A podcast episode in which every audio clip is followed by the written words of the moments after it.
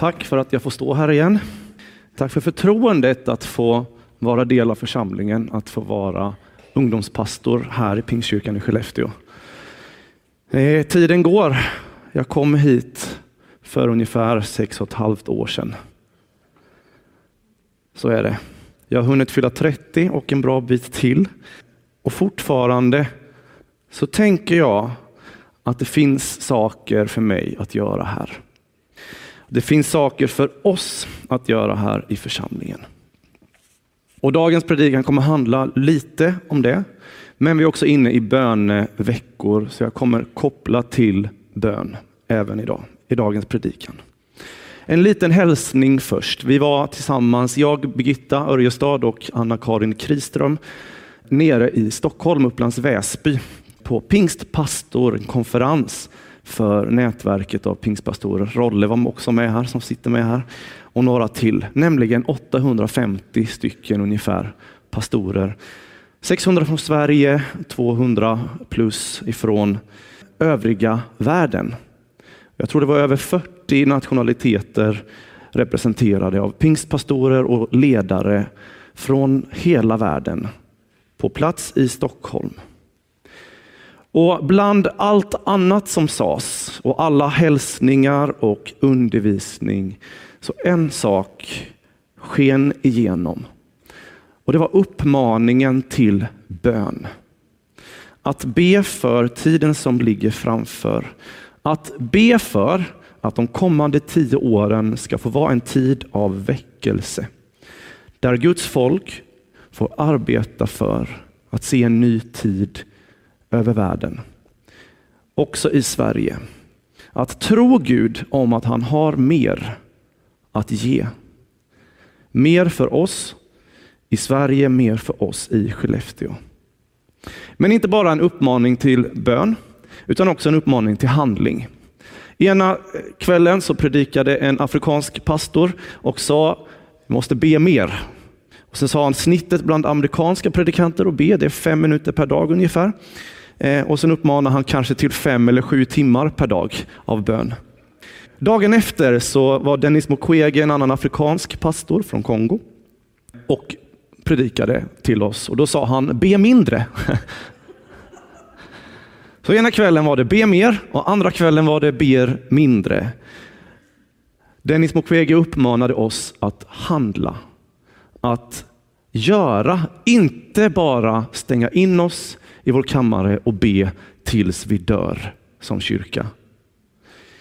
Sen sa han också att vägen för att få kraft i sitt handlande är bönen.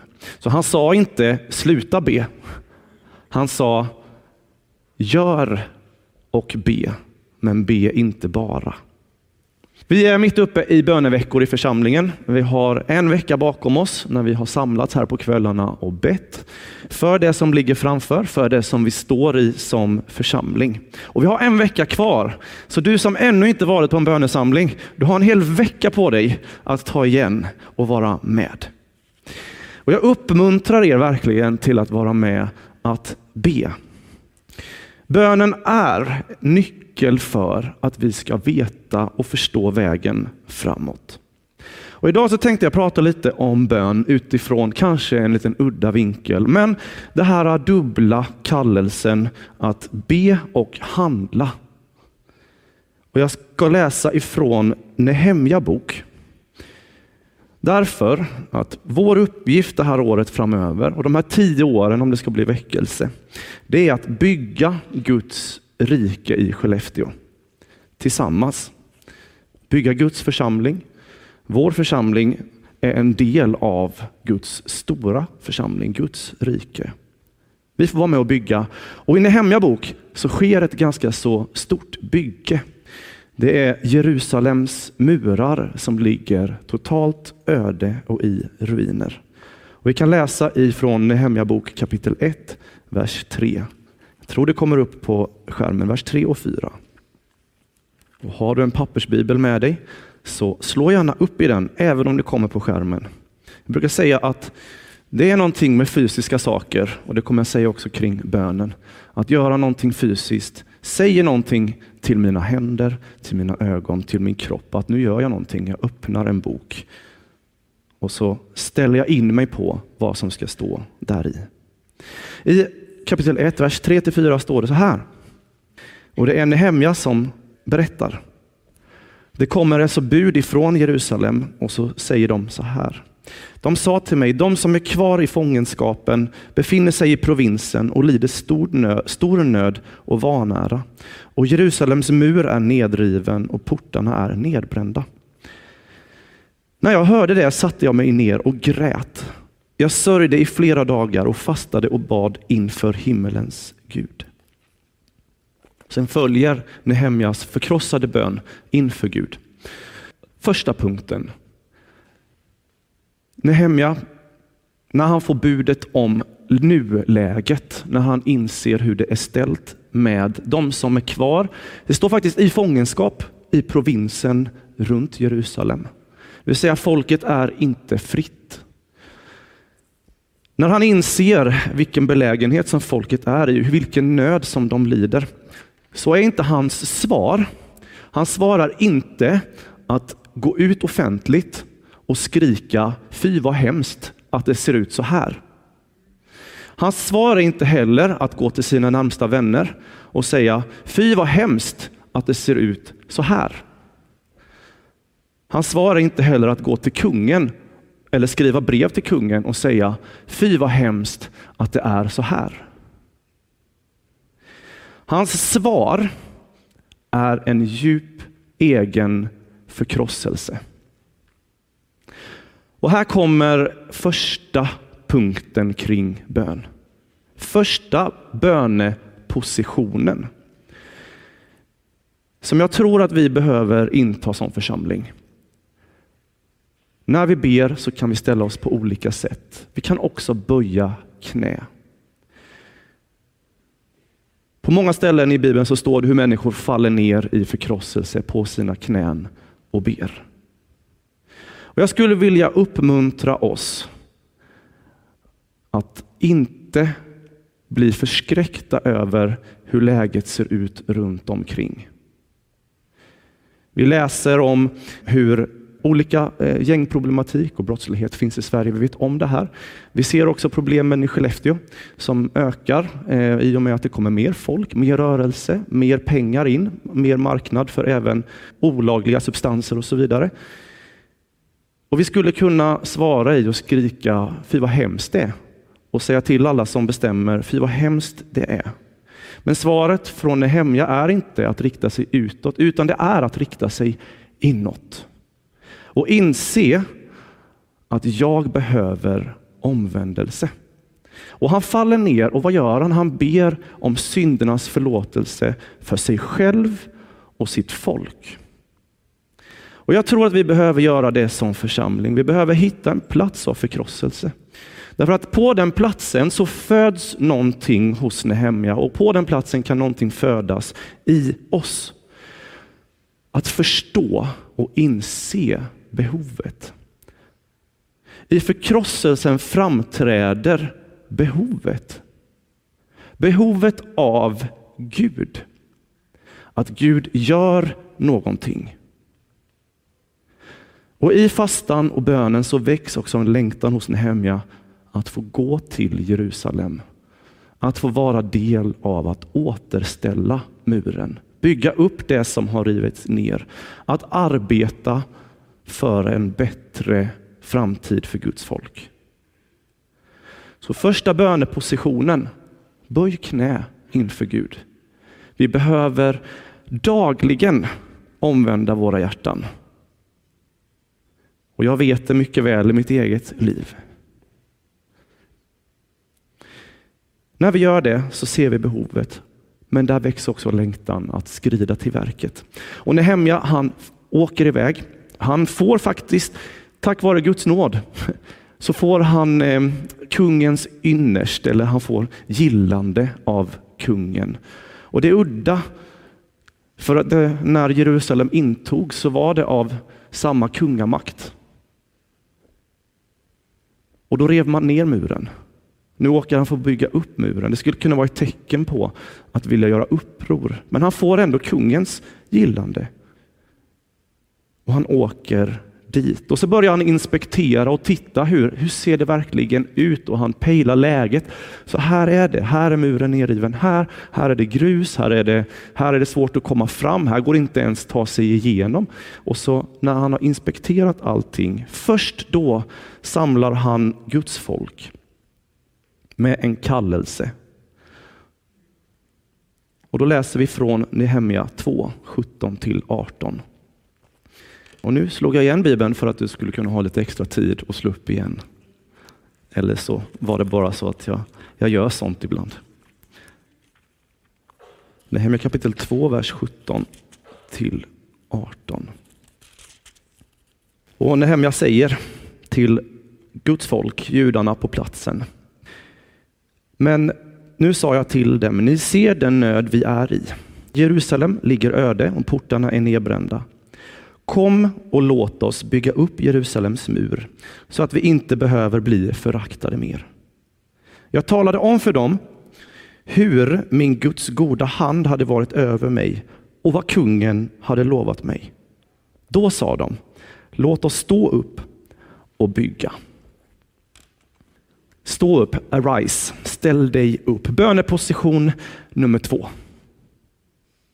När när Nehemja kommer till folket så är de nedslagna. De är inte samlade. De står inte bakom en specifik enad uppgift. Men så står det att Nehemja berättar för dem att Gud är med och hur Gud har påverkat kungen och vad Gud har gjort så att Nehemja kan vara där han är idag. Ni hörde Elisabet innan som pratade om Rumänien och missionen. Sen sa hon att det har förändrats hennes liv. Du har också en berättelse, tror jag, vad Gud har gjort i ditt liv. Den berättelsen är viktig, därför att den kan väcka någonting hos någon annan. Där missmod finns så kan du få komma med uppmuntran om att det är möjligt för Gud. Gud är med. Gud har varit med nu och han kommer vara med framåt.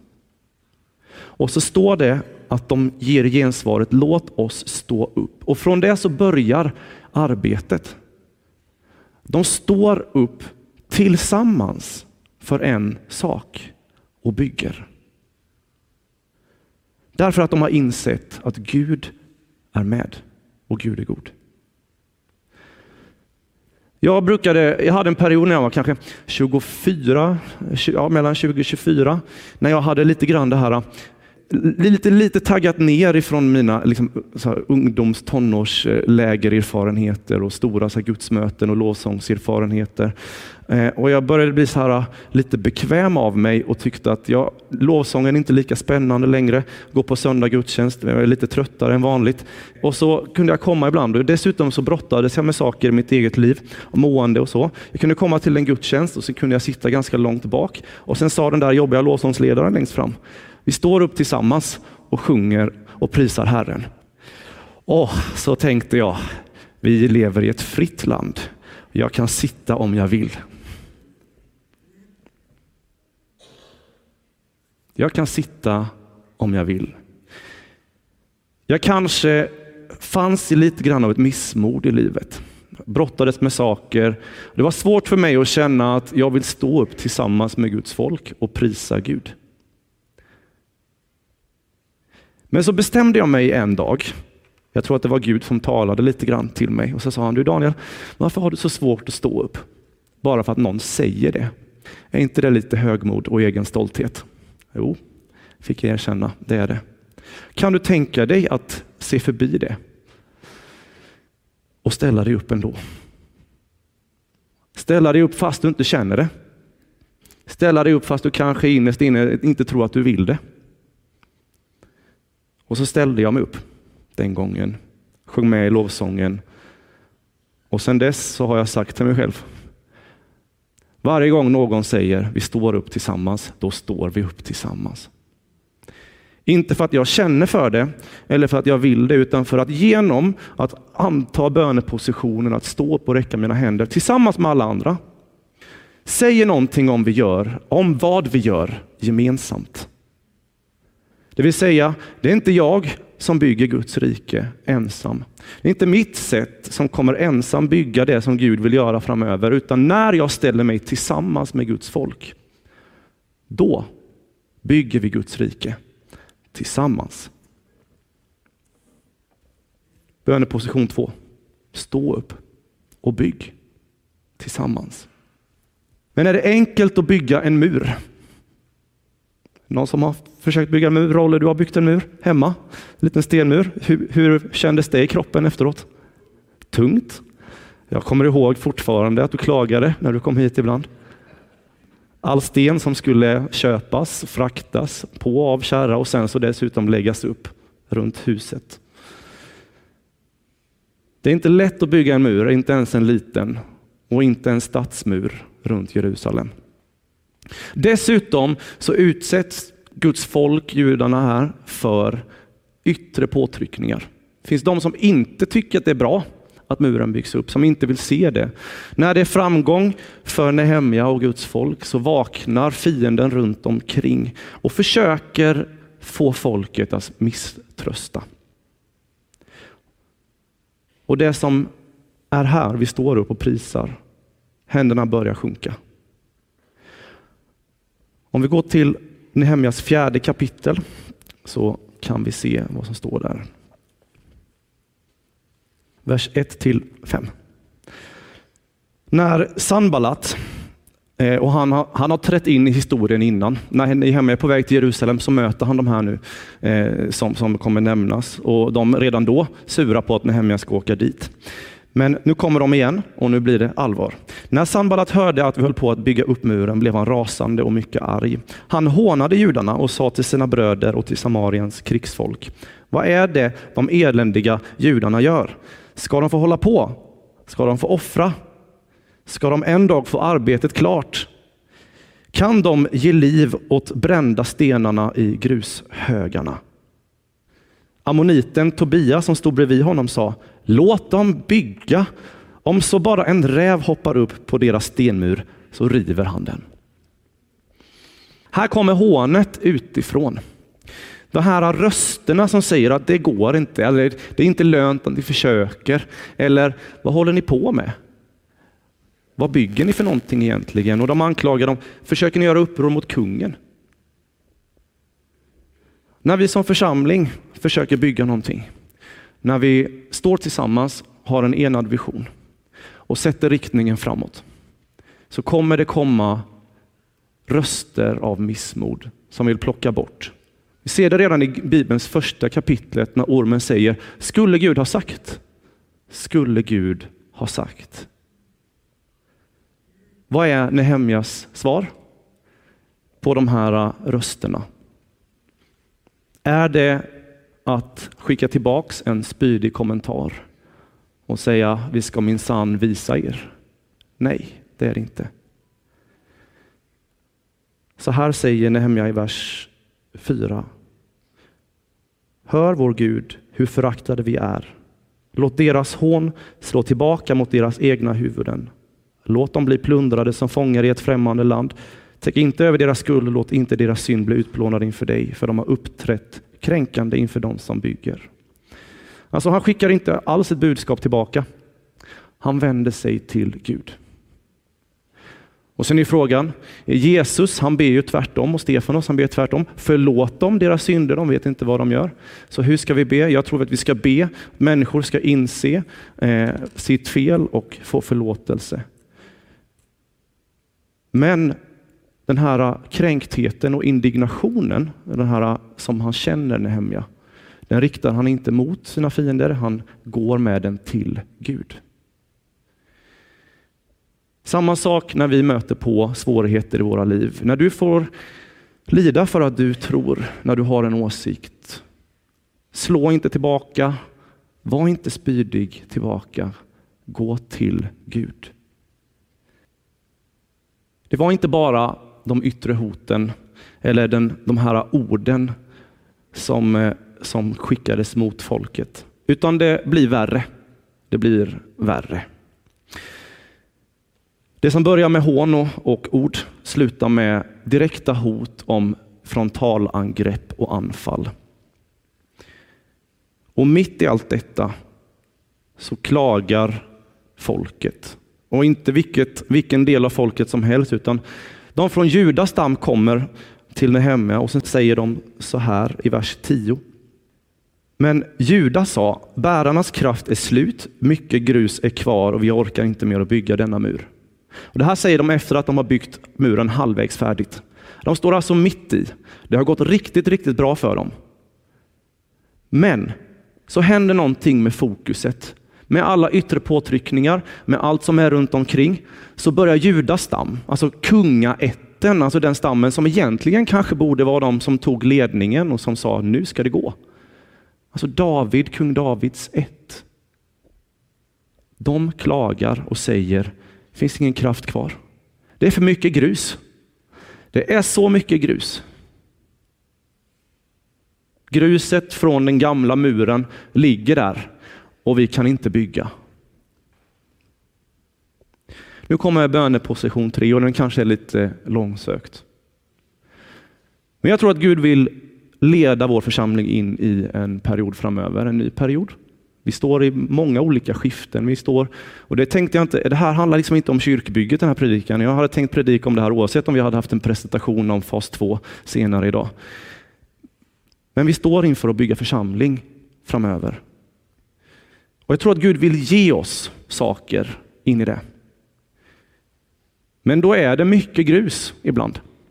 Det är väldigt mycket grus och det är lätt att tappa fokus på det vi ska bygga och se på det som är i vägen. Ibland är det så att vi faktiskt till och med håller fast vid det där gruset. Och Det här är böneposition tre. Gud vill att vi ska öppna våra händer och ta emot. När jag ber ibland, när jag lovsjunger, och framförallt när någon läser välsignelsen eller, eller det finns löften i de sångerna vi sjunger, då öppnar jag mina händer för att ta emot. Men jag kan inte ta emot om jag har, håller fast vid saker.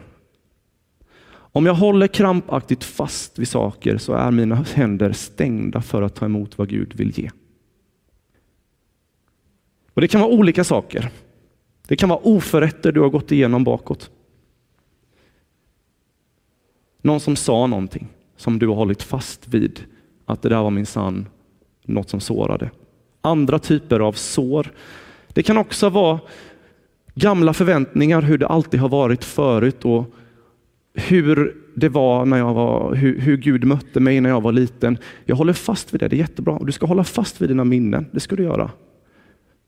Men låt dem inte, håll inte fast dem så hårt att du inte kan ta emot om Gud vill ge någonting nytt. Ibland behöver vi släppa taget om saker i våra liv och låta Gud göra någonting nytt. På engelska säger vi let go and let God.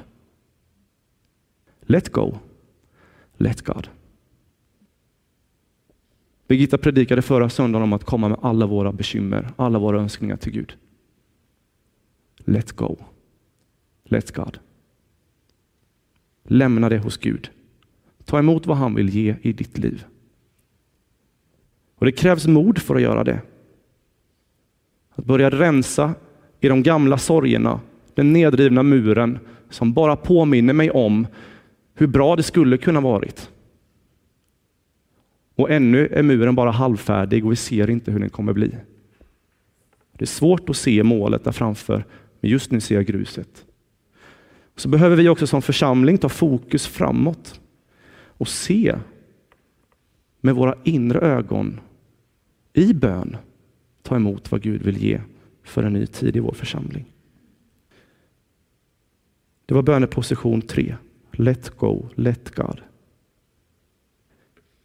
Hur hanterar vi då alla de här bekymren som är runt omkring oss? Och när folket runt omkring hotar Nehemja och folket som bygger, så utrustar han folket med vapen. Och så står det i vers 15, så här i kapitel 4, vers 15. När våra fiender hörde att vi kände till deras plan och Gud hade inte gjort dem vände vi alla tillbaka till muren, var och en till sitt arbete. Från den dagen var hälften av mina tjänare upptagna med arbetet medan andra hälften stod beväpnade med spjut, sköldar, bågar och pansar. Vi läser i första Korintierbrevet att de vapen vi har är inte kötsliga, står det. De vapen vi har är inte spjut, sköld och båge, som i det här fallet. Det är andra vapen vi har. Och ett av de viktigaste är bönen. Det är bönen. Det finns de som arbetar, sen finns det de som ber. Och dessutom står det att de som arbetar och bär, senare här, de har svärdet vid sidan också, så arbetar de med en hand. Kallelsen från pingstpastor, att be och arbeta samtidigt. Och vissa, de ber ständigt.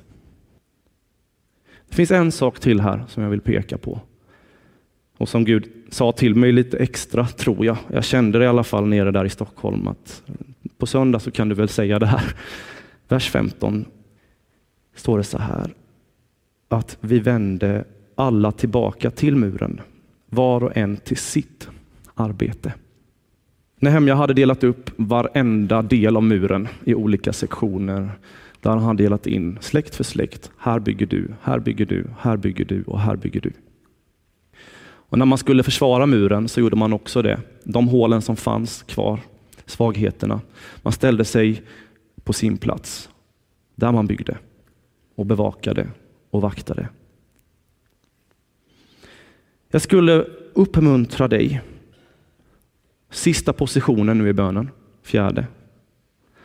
Att be Gud att hitta din position i församlingen. Att vi får ödmjuka oss, position ett. Att vi får stå tillsammans, sträcka våra händer, position två. Vi får öppna våra händer och ta emot vad Gud vill. Men också, det var position tre. Position fyra, att du får hitta din plats i församlingen.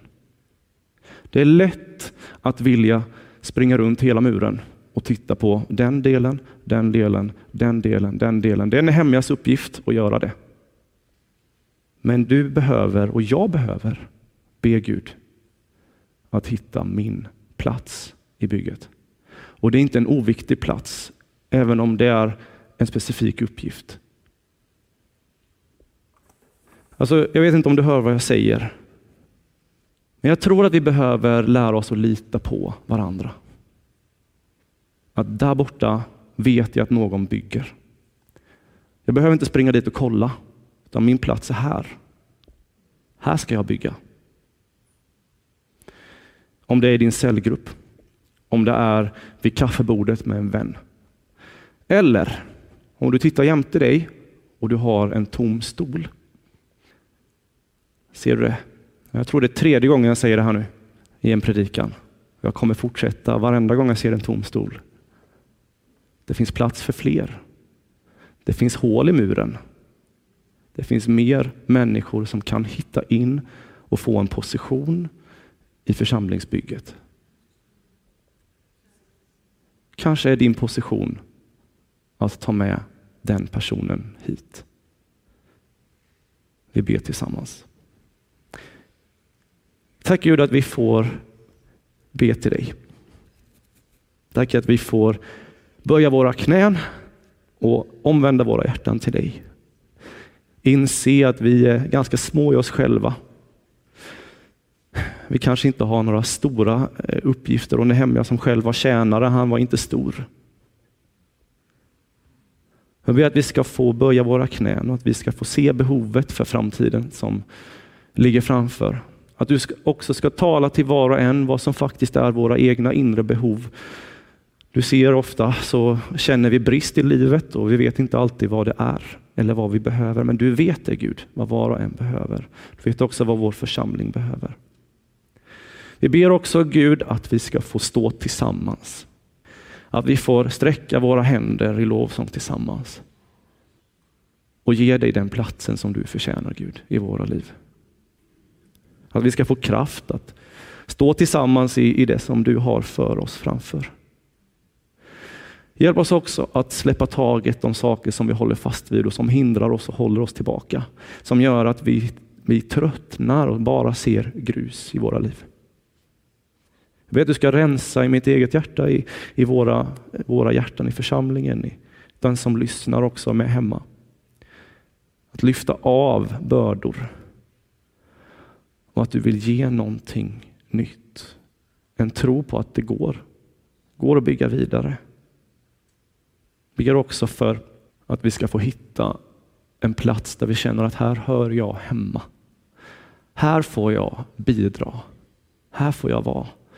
Och det är viktigt. Be Gud om en fördjupad delaktighet och gemenskap i, i, vår, i vår församling, Herre. I våra liv. Tala till oss var och en att du kallar oss var och en. Du sänder oss ut att bygga ditt rike på den här platsen i Skellefteå. På varenda arbetsplats så får vi stå och bygga Guds rike. Jesus. Hjälp oss att arbeta, men hjälp oss också att be. be. Tack för vad du har för oss framöver. Tack för vad du har förberett för den här platsen. För våra liv. Hjälp oss gå in i det. I Jesu namn. Amen.